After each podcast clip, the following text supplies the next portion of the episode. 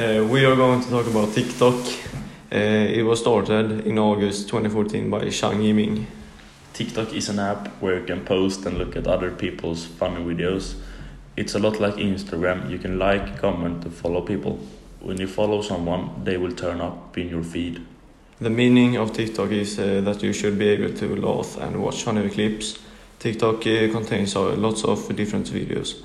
In TikTok app, formerly known as Musical.ly, users can uh, create 15 seconds, of uh, short clips and uh, up to 60 seconds of looped videos with music, dance, or comic clips, or just watch other people's creative works.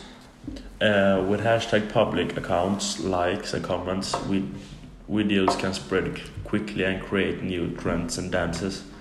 TikTok is used by a half billion people and a lot of different ages, ages but I would think that the mo- it's mostly teenagers.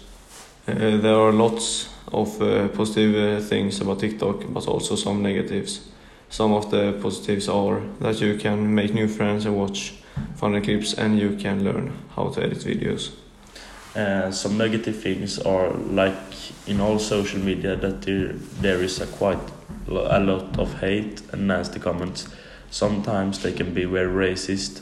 There are a lot of kids on the app TikTok, and since all the hate that is there, I think they should raise the age limit. All in all, I think TikTok is a well-made app with uh, more advantage than disadvantage.